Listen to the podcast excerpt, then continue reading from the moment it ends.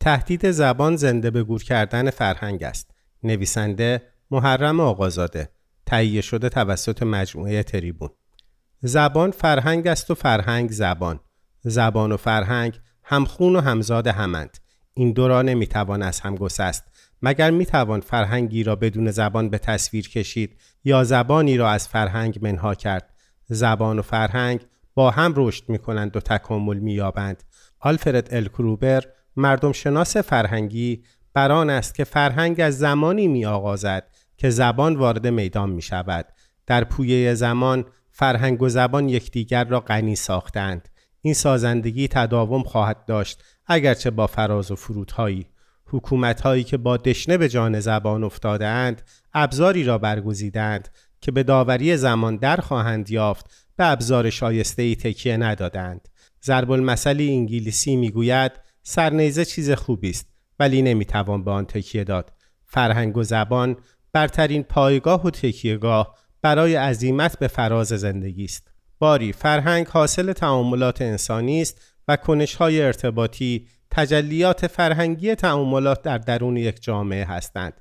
فرچیو روسیلندی فیلسوف ایتالیایی که به طور خاص بر روی معناشناسی و زبانشناسی کار می کند به این باور است که یک جامعه گفتاری یا زبانی محصول پیام است که اعضای جامعه با زبانی خاص تبادل می کنند و این زبان در جامعه قابل درک و دریافت است. او می‌گوید کودکان زبان و فرهنگ را از جامعه‌ای که در آن زاده می‌شوند میآموزند.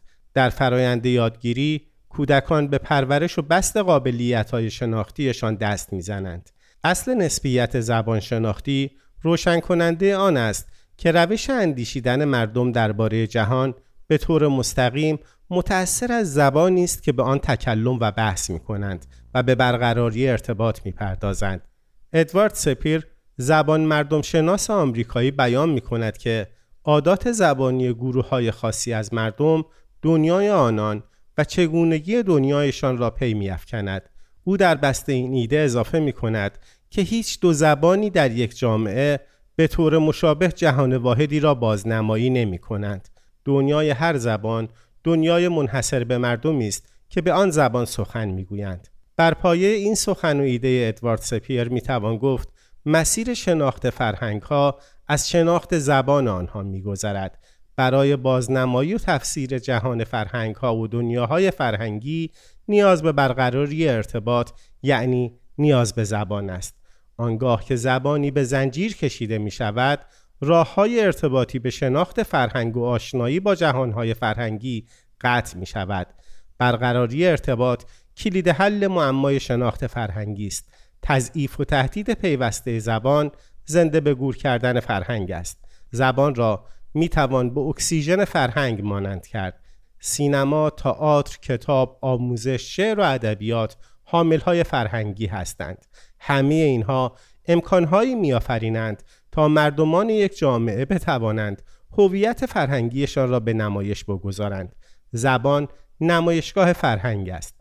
بدون زبان راهی برای بیان ارزشها نمایش باورها و نگرشها آفرینشگری و ابراز پیوندهای رفتاری وجود ندارد.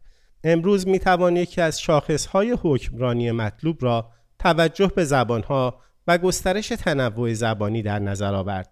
بسیاری از کشورهایی که به صورت دموکراتیک راهبری می شوند به طور بنیادینی ضرورت تنوع زبانی را دریافتند و آن را نه فقط تهدیدی برای کشور تلقی نمی کنند بلکه آن را فرصتی برای سازندگی دریافتند.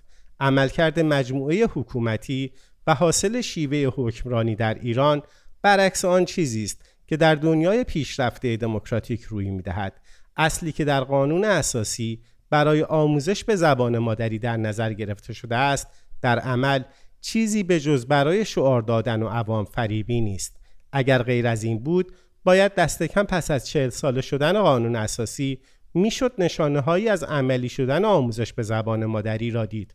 آنچه پیداست در کنار اجرا نشدن قانون اساسی درباره آموزش به زبان مادری بناهایی که برای حفظ زبانهایی غیر از زبان پارسی ساخته می شود بر سر سازندگانشان خراب می شود در کشوری که قانون اساسی آن معید آموزش به زبان مادری غیر از زبان فارسی است فرهنگ سازانش به سبب تولیدات فرهنگی به زبان خود لعن می شود این کار آشکارا و بیشرمانه رخ می دهد